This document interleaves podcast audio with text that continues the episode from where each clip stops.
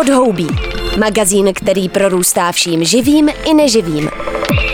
Prostor pro přírodu, ekologická témata a udržitelnou budoucnost. Podhoubí. To je útěk do divočiny Ondry Šebestíka na rádiu Wave. Věda a víra, dva zdánlivě dokonale oddělený světy – z dynamiky těchto dvou pólů vzniklo podhoubí. Jehož hostem je vysokoškolský pedagog, bioetik a katolický kněz Marek Orkovácha. Bavíme se o encyklice Laudato Si a apoštolské exhortaci Laudate Deum, ve kterých papež František vyzývá nejen katolickou obec, aby začala brát klimatickou krizi a otázky přírody, jinak řečeno stvoření, vážně. Povídáme si ale taky dost o Bergoliovi samotném, který už když přijímal jméno po Františkovi z Asisi, tak měl patrně na mysli vztah člověka a přírody, jakožto jedno ze stěžejních témat svého pontifikátu. Podle Laudate Deum, které vyšlo na podzim roku 2023, jsou klimatické krize a krize biodiverzity jedny z největších ohrožení života na této planetě a změna klimatu je jednou z hlavních výzev, kterým čelí společnost a světové společenství. Věda klima zkoumá a popisuje. Politika, ale i představitelé církve mají za úkol vědecké poznání implementovat do společnosti. A o to se papež František pokouší. Tak vám přeju požehnaný poslech podhoubí a zdravím kolegy z Hergotu. Budeme si povídat o encyklice papeže Františka Laudato Si, která vyšla 24. května 2015. Česky by se dala přeložit jako Buď tobě chvála. A taky o apoštolské exhortaci Laudate Deum, přeložme jako chvalme Boha, což je jakési rozšíření Laudato Si, které vyšlo 4. října 2023.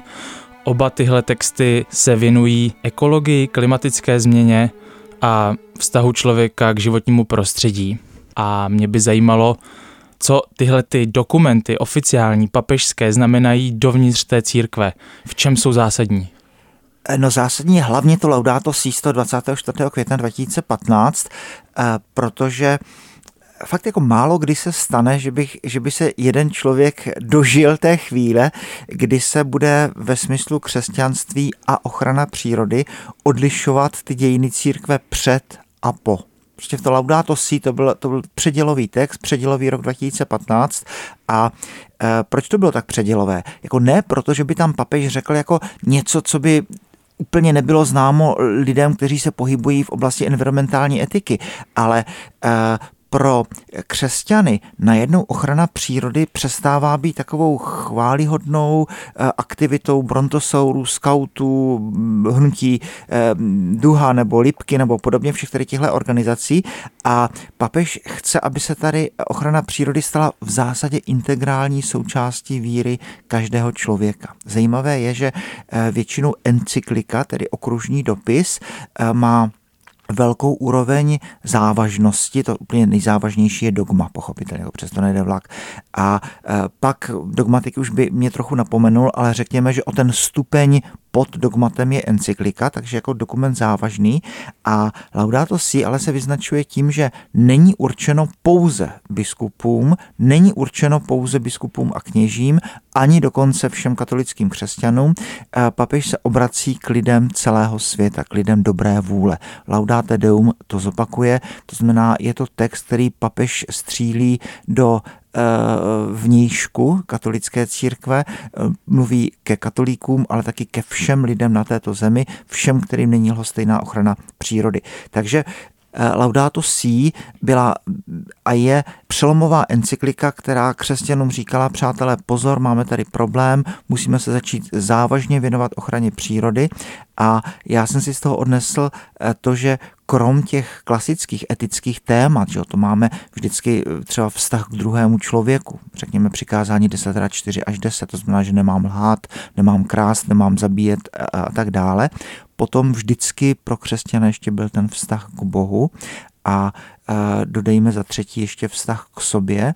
A papež tady říká, ale pozor, může, musíme tady nastolit ještě nový vztah a to je vztah k přírodě. Takže eh, když to řeknu zjednodušeně a zkratkovitě, eh, mohl jsem hřešit na zemi, ale od roku 2015 papež říká pozor, přátelé, můžeme hřešit nejenom na zemi, ale taky vůči zemi. Takže v tomhle hmm. smyslu Laudato Si teda byl jako naprosto zásadní dokument. Když jste mluvil o tom, že je adresovaný všem lidem dobré vůle, to znamená i vně církve, tak my, co se týče klimatické změny, musíme následovat hlavně vědu, protože vědci jsou ti, kteří eh, dokážou ty klimatické modely hmm. počítat, zkoumat a vytvářet určité predikce. Máme i při OSN jakýsi globální autoritativní panel IPCC, který Aha. se každých několik let vyjadřuje k současnému ano. stavu klimatu jaký typ autority do tohle eh, jako globálně přináší ten papež tím hlasem? Je to verifikace těch eh, třeba vědeckých výzkumů, nebo jak to vnímáte? No tak obrovský, obrovský, jo, protože eh, technicky vzato klimatický panel říká, jak to je. Jo? A eh, je na politicích, aby řekli, jak by to mělo být. Jo?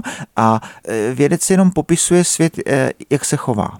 A papež opakuje několikrát, že všechny tady ty naše krize, finanční krize a, a ekologická krize, že se protínejí někde v hloubce a že to je spirituální krize. To znamená, papež říká, přátelé, eh, situace je vážná, na mnoha místech se tady k tomuto klimatickému panelu odkazuje, dokonce v Laudate Deum těch odkazuje, je, je druhý největší počet odkazuje právě tady k tomuto, k tomuto panelu a e, říká, teď s tím ale musíme všichni něco dělat. Ochrana přírody e, musí stát integrální součástí víry každého člověka. To znamená, každý z nás tím něco musíme dělat a musíme si být vědomi toho, že ten problém tady je a e, že to není problém, který by měli řešit nějaké tady ty skautské organizace nebo podobně, ale každý věřící s tím něco, něco musí udělat.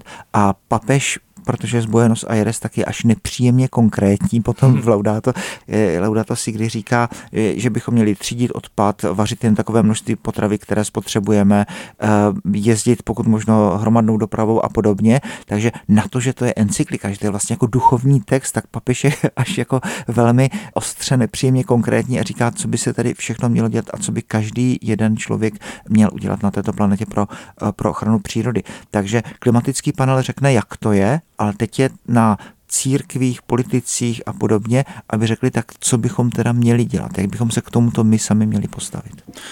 Lidé, kteří jsou vně církve, tak vnímají často křesťanství a církev jako takovou, eh, jako místo, kde se odehrává především víra, to znamená modlitba a něco iracionálního, něco, co je spojené s láskou, se srdcem a s nějakou, mm-hmm. dejme tomu, myšlenkou. Mm-hmm. Něco duševního, skoro bych řekl nehmotného. Mm-hmm. Jak klimatická akce, která je hodně o jednání, mm-hmm. o mhm. tom aktu něco udělat, mm-hmm. právě s tou vírou souvisí, kde se jako protínají tyhle ty, ty možnosti. Mm-hmm. Uh, tak eh, především potřeba říct, že takováto definice církve je nesprávná, jo? protože nejsme andělé, žijeme na zemi a e, já si myslím, že to je zejména katolické křesťanství a židovství, které mají jako obrovský cit pro to, aby e, jak si posvětilo e, právo, ekonomii, lásku, válku, oblékání, jídlo, všechny tady ty naše aktivity, protože žijeme na této zemi. Jo? Jistě, že, jak jste říkal, iracionální, no tak samozřejmě, jo? Tak, tak to patří do, do, do výbavy člověka. Politici vždycky říkají, no hlavně, hlavně bez emocí. No ale emoce jsou přece součástí mého života, takže je tady jak racionální, tak iracionální složka. Ale e, být křesťanem znamená žít pevně nohama na zemi, žít na této zemi. Jo? Když Chesterton v 19. století říká, jo, katolické křesťanství, tak to je sklenice vína a doutník po dobrém obědě. Tak přesně tady tohle má, má na mysli. To znamená, jako i ochrana přírody, je to péče o společný domov. Jo? To, jako co jiného by křesťané měli dělat, jo? než, než eh, chránit ten společný domov. A eh, to křesťanství do ochrany přírody dá několik jako důležitých impulzů. Eh, především ten naprosto triviální křesťanství vám řekne, my víme, proč přírodu chránit protože je to dílo boží, protože je to chrám, který stvořil Bůh, to znamená, nemohu vykládat rodičům, že je mám rád a přijít ze školy a začít demolovat nábytek, který rodiče zakoupili a třeba sešroubovali s láskou, a nemůžu vykládat Pánu Bohu v kostele, že ho mám rád a demolovat e, zařízení tady této planety. To, to by hmm. nedávalo vůbec smysl. Takže e, v tomhle křesťanství je jako obrovsky silné a protíná se to právě v tom, že musíme jaksi žít na zemi a říká se, že, že je to ta pravda toho creation, to znamená, každý křesťan by aspoň zhruba měl vědět, co se děje ve vědě, dodávám, myslím si, že by měl aspoň zhruba vědět, co se děje v umění, potom je tady ta pravda, které anglosasové říkají ta pravda revelation, ta pravda toho zjevení, to je samozřejmě nový zákon a tak dále. A tam, kde to o sebe zajiskří, tak tam je ta pravda toho redemption, toho vykoupení. To znamená, abych, abych byl křesťan, tak musím mít obě tady tyhle, eh, tyhle v sobě eh, složky. Musím se zajímat o svět, ve kterém žijí, o přírodu, ve které se nacházím a ano, jak jste říkali, tady i ta složka toho, že se, že se modlím, ale ten můj eh, takzvaný duchovní život a ten život, který je eh, v práci a tak, to jsou spojené nádoby a myslím si, že by stálo za to říct, že není žádný duchovní život, protože žijeme jenom jeden jediný život, který život každého z nás musí a má být duchovní. Já si přiznám, že Laudato si jsem nestihl přečíst, přečetl jsem Laudate, de, Laudate no. Deum, aspoň něco. Nicméně eh, nějaký výtahy z Laudato si jsem eh, si mm-hmm. prošel a mm, zaujala mě citace eh, z Benedikta XVI. Mm-hmm. teda vnější pouště se ve světě množí, ano. protože vnitřní pouště ano. se staly nedohledné. Už jste mluvil o tom, že ta krize je ve skutečnosti spirituální ano. a mě to teda rezonuje, eh, protože jsem prošel humanitním vzděláním z ničeho citátem z knihy Tak pravil Zaratustra, hmm. kde se říká die Wüste wacht, to znamená mm. poušť roste mm.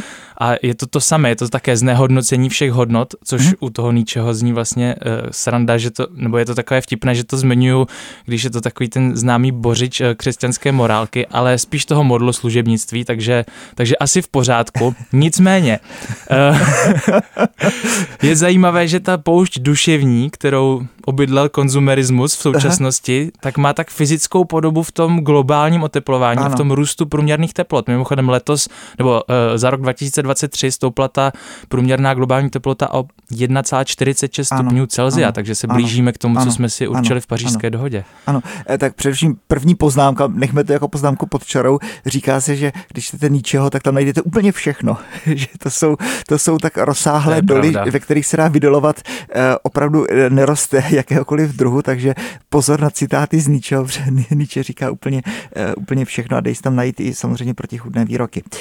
Laudato Si je skutečně velice dlouhý text, má asi 40 tisíc slov. Uh, Laudate Deum je mnohem kratší, má jen asi 8 tisíc slov a Laudate Deum je takzvaná apoštolská exhortace, to znamená, je to ještě o tu jednu úroveň níž než je encyklika a je to text, který vyšel po osmi letech od Laudato, Laudato Si a je to spíš doplnění Laudato Si.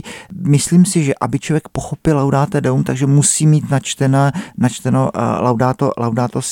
Co tam papež říká Deum? Říká, uplynulo 8 let, udělalo se hodně, ale neudělalo se dost. Nestíháme a e, to naše úsilí by mělo být ještě mnohem a mnohem silnější. E, zatím e, se sice co si stalo, ale nestalo se toho dost. Takže Laudate Deum určitě není text do tramvaje, určitě to není text na zlepšení nálady, je to text vlastně dosti pesimistický, pak tam má kapitoly, kde teda ostře kritizuje ty COP klimatické konference, a e, na tomto místě to spíš připomíná až jako politický manifest, než že by to byl jako dopis, dopis papeže. Ta dikce je naprosto nečekaná pro, e, pro papežský dokument.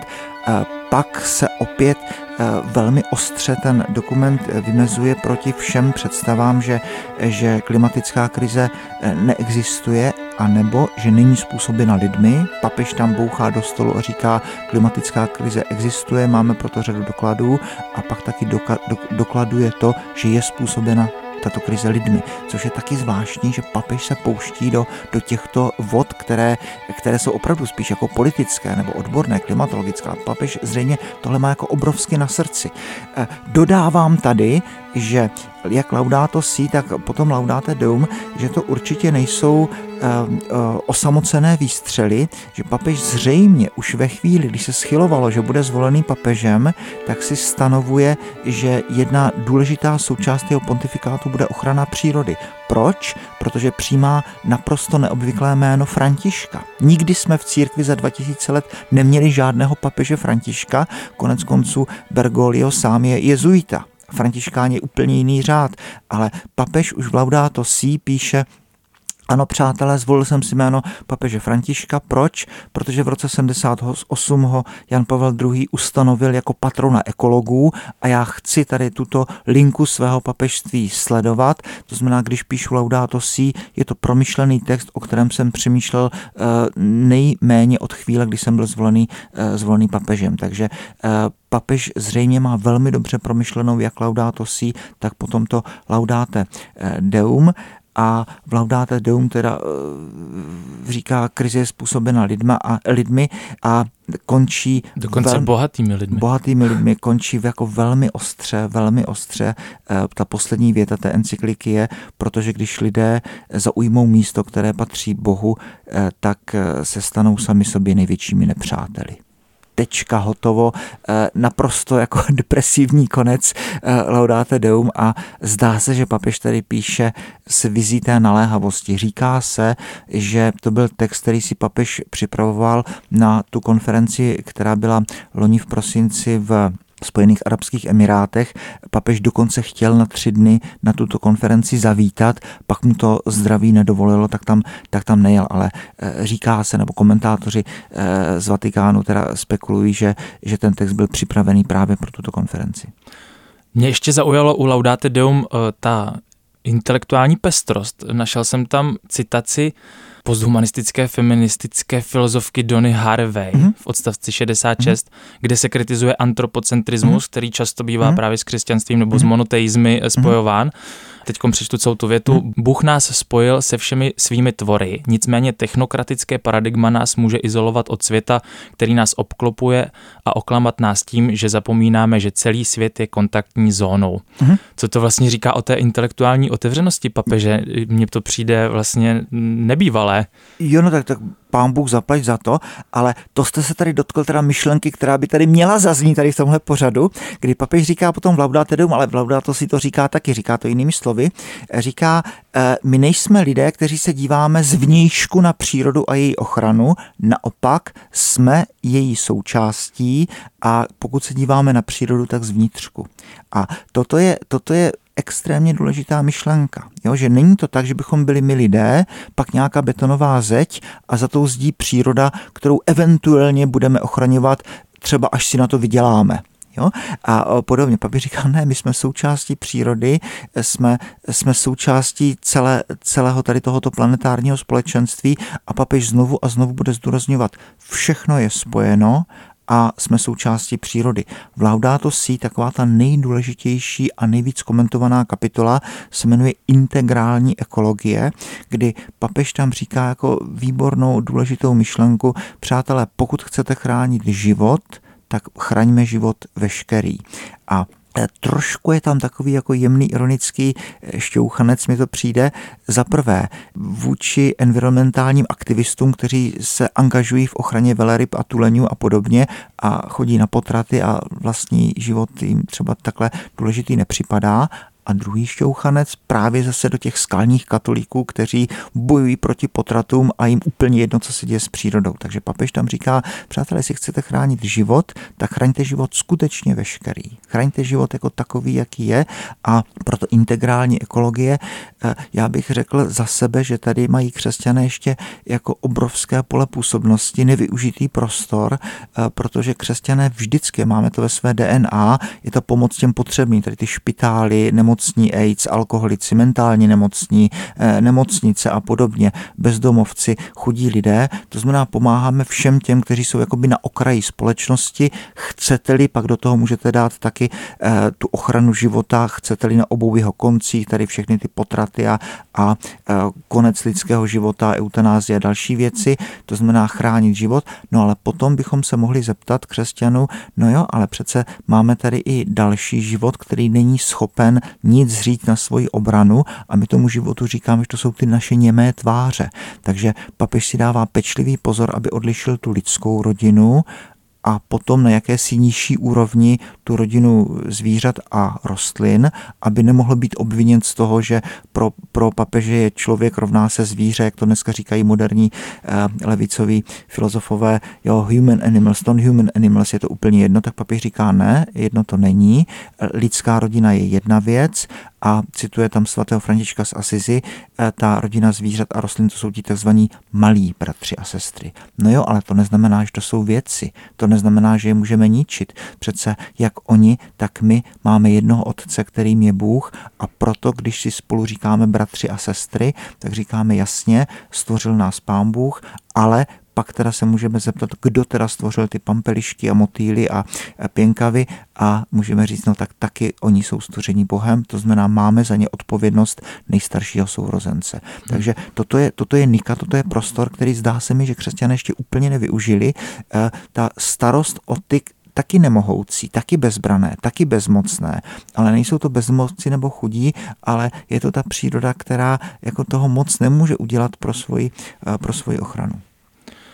Míříte přesně tím směrem, kam jsem chtěl taky dojít a, a to je právě ta možnost eh, papeže obvinit z jakéhosi animismu eh, ve smyslu že když je schopen eh, pracovat s takovými obzory, jako je právě Donna Harvey, tak hm? člověka to pak vede k takové té post eh, Bruno Laturovské ontologii, že všichni no. jsou si rovni, vše, no. rovní všechny entity jsou nadané nějakým typem aktérství mm. a v té síti ontologické jsou na stejné rovině člověk, stejně mm. jako kámen, stejně jako ta pěnkava mm. um, a není ničím člověk výjimečný, a že právě ten antropocentrismus, který jsme získali civilizačně, je s eh, katolictvím nebo s křesťanstvím, pardon, mm-hmm. dost spojen. Takže papež mám pocit, že je teda tak rozkročen jako v obou těch směrech, ale pořád udržuje tu distinkci, jako že člověk je, ano, je ano. něco jiného je, než zbytek stvoření. Je rozkročen a protože má mnoho nepřátel, tak při četbě Laudato si, kterou fakt, eh, jako, chci to říct nějak jako s určitou pokorou, ale fakt jsem to četl jako mnohokrát ten text anglicky, česky, v dalších jazycích, tak papež si dává extrémní pozor na to, aby nikdy neřekl člověk rovná se zvíře. Vždycky je ta rodina bratří a sester, ta rodina lidská, pak je propast a pak teda je, je, je příroda, ale zase příroda to nejsou věci, to jsou bytosti, které jsou hodny naší ochrany a naší odpovědnosti. Řekli bychom eh, spolu s židovskou teologií, člověk se má starat o stvoření z té logiky nejstaršího sourozence. Jo? Eh, Židé na to mají krásný jeden eh, apokryf, kdy říkají, že po stvoření světa Bůh provádí Adama a Evu po, po ráji a říkají, tak se podívejte, jak je to krásné, jak je to sofistikované, jak je to pěkně udělané. Starejte se o to s pečlivostí, protože po vás už nebude stvořený nikdo další, eh, kdo by vaše chyby napravil. Takže člověk je ten, který se o stvoření má starat. A druhá věc, co chci dodat, je, to, že když člověk potom čte ty texty Benedikta XVI., Josefa Ratzingera a e, existují knihy, které dávají e, výtahy z Ratzingerových e, knih anebo kázání, kde se Benedikt XVI. dotýká ochrany přírody, tak v podstatě František neříká nic jiného, než jenom cituje Ratzingera.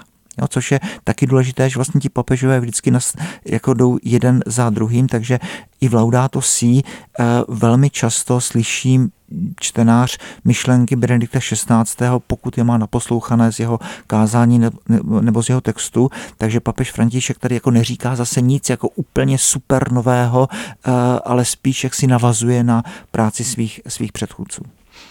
Já se omlouvám, jak jste mluvil uh, o tom obrazu, jak Bůh vodí Adama a Evu no. po ráji, tak já jsem si hned říkal, uh, jak to jde dohromady s evoluční teorií, kdy...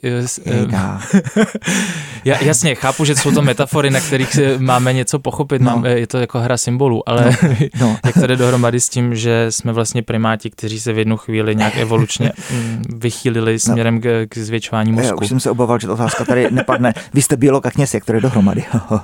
no tak... No jasně, no. Eh, podívejte, věda nám popisuje ten příběh nesmírně dramatický, řekl bych velmi krásný.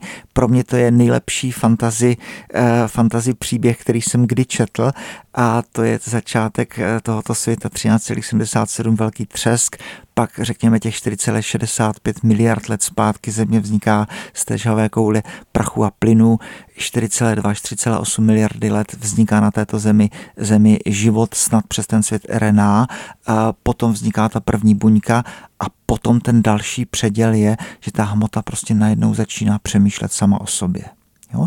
A toto je příběh, který se nám oběma dává a dává se nám eh, všem i našim posluchačům bez ohledu na to, v jakém kontextu náboženství žijeme nebo nežijeme. Prostě toto je náš příběh, takhle nám to říká věda, že tohoto příběhu jsme součástí a teď se jako všichni ptáme, jako co tady dělám, jako kdo jsem, jako co, co to je za prapodivný příběh, že jsme tady my dva a přemýšlíme o sobě a, a přemýšlíme o ochraně přírody a žijeme tady na téhle, téhle eh, planetě. Takže teď teologie tady tohle má reflektovat a všechny tady ty příběhy Adama, Evy a podobně, to jsou překrásné příběhy, které nemají ambici ale neměli tu ambici ani když už byly psány. Jo? E, to, že by chtěli být nějakou proto učebnicí biologie, nějakou protobiologií, nebo že by chtěli být nějakým pokusem o vysvětlení, jak se tady eh, člověk, eh, člověk vzal a na to je jako řada dokladů. No tak, tak při tom stvoření světa máme, máte první tři dny, máte večer a jítro,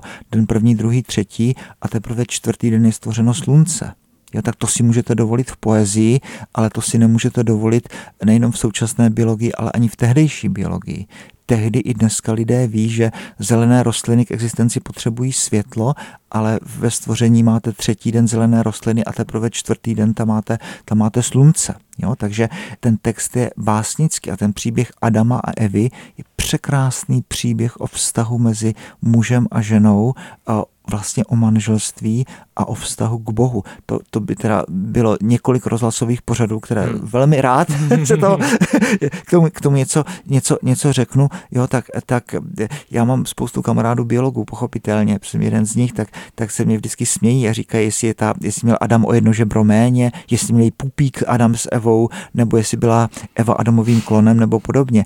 E, takhle se ptá biolog, ale takhle se naprosto jistě neptal člověk, který to psal. Tam Bůh sesla, sešle na Adama hluboký spánek, mrákotu a teďka přijde to stvoření ženy z žebra, která je blízko srdci. Bude to žena jeho snů, bude to žena jeho vizí, bude to ta, o které, o které se mu zdá, ale které nikdy nebude rozumět, protože ona vzniká, vzniká, když on je v tom hlubokém spánku. Potom se Adam probudí a volá, toto je kost mých kostí, tělo z mého těla, ať se nazývá Íša, neboť z Íše vzata, ať se nazývá muženou, neboť z muže je vzata. Vynikající, Adam propuká v umění, mluví o ní, ale nemluví k ní. Adam tady dělá obrovskou komunikační chybu a tak dále. A pak ten text, text nějak pokračuje. Takže eh, ambicí autorů těchto textů nebylo popsat, jak se to stalo, ale říká se, že když teda čtete tady ty příběhy Adama a Evy a vzniku, vzniku stvoření teda v těch sedmi dnech, tak tři věci by si člověk měl odnést. Autorem vesmíru je Bůh, svět je stvořený jako dobrý, lomeno krásný, hebrejština i řečtina tohle umí, kosmos, řád, taky šperk, kosmetika hmm, třeba, hmm. kosmein, to, co se líbí. A za třetí, úkolem, zadáním člověka je být obrazem božím. V intencích našeho pořadu můžeme říkat, že zadáním člověka je starat se o náš společný domov. Děkuju, já jsem nechtěl zabředávat do nějaké eh, disputace eh, na toto téma, nicméně eh, myslím, že to zase vrhlo nějaké další světlo a myslím, že i lepší porozumění, protože přeci jenom tohle není jako původně duchovní pořad, takže v pořádku, dobrá odbočka.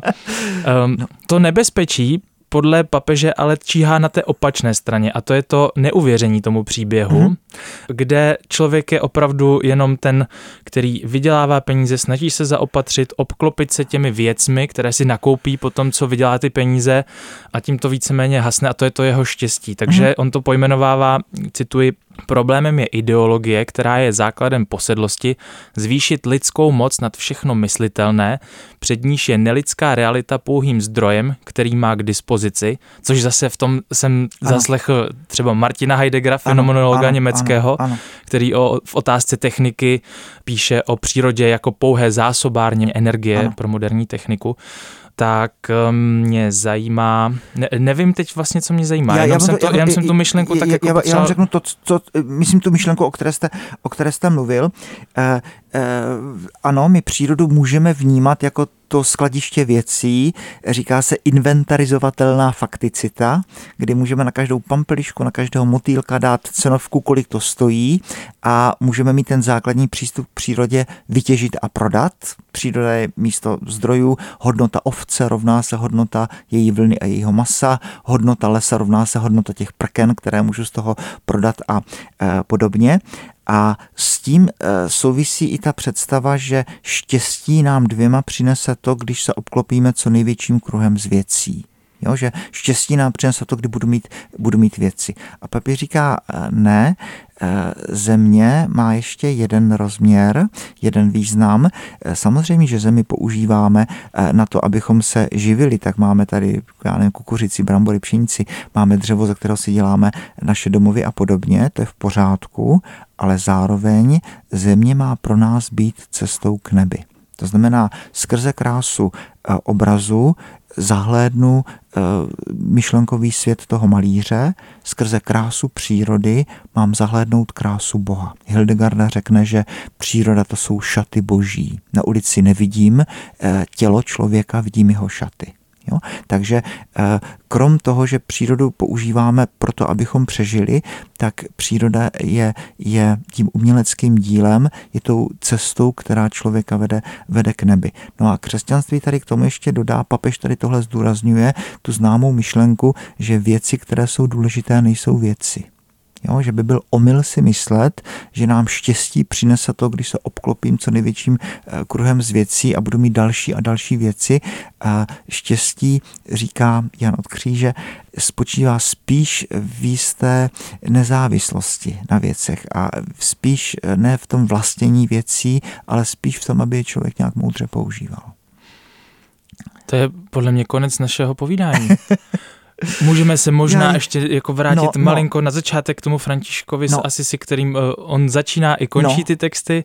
Uh, proč máme chválit Boha teda a uh, nemyslet si, že my jsme ti bozy? Toto ještě, toto ještě tam musí být, protože vy jste to tady zmínil, já jsem to žel nekomentoval, že uh, on je František z Asizi, no to je v podstatě čistý animismus, jo? protože v té jeho nejslavnějším uh, textu, který taky dal, eh, dal název encykliky Laudato Si, chválte pána.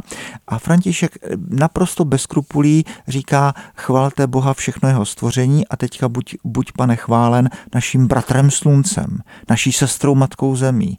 A tě pane chválí sestra luna, a tě chválí sestra voda, která je čistá, pokorná, a tě chválí bratr oheň a podobně. František odmítá používat to anglické it, to ono, se vším se dá mluvit, všechno je pro něho ty, eh, dokonce potom eh, oslovuje sestru, sestřičku smrt těla. Takže eh, František tady říká, vlastně celá příroda ke mně mluví, celá příroda ke mně zpívá a nejenom ti živáčci, ale taky sestra, matka země, voda, oheň, vítr, eh, slunce eh, zpívají o Bohu a František v té své lásce a prostotě je vyzývá, aby chválili, chválili pána. Takže je to člověk, který v zásadě nás učí to, že příroda není ani to hřiště, na kterém se odehrávají naše ekonomické aktivity, že to není ani nějaké jeviště, na kterém probíhá náš boj o spásu vlastní duše, ale že to je společný domov, o který se máme starat z toho prostého důvodu,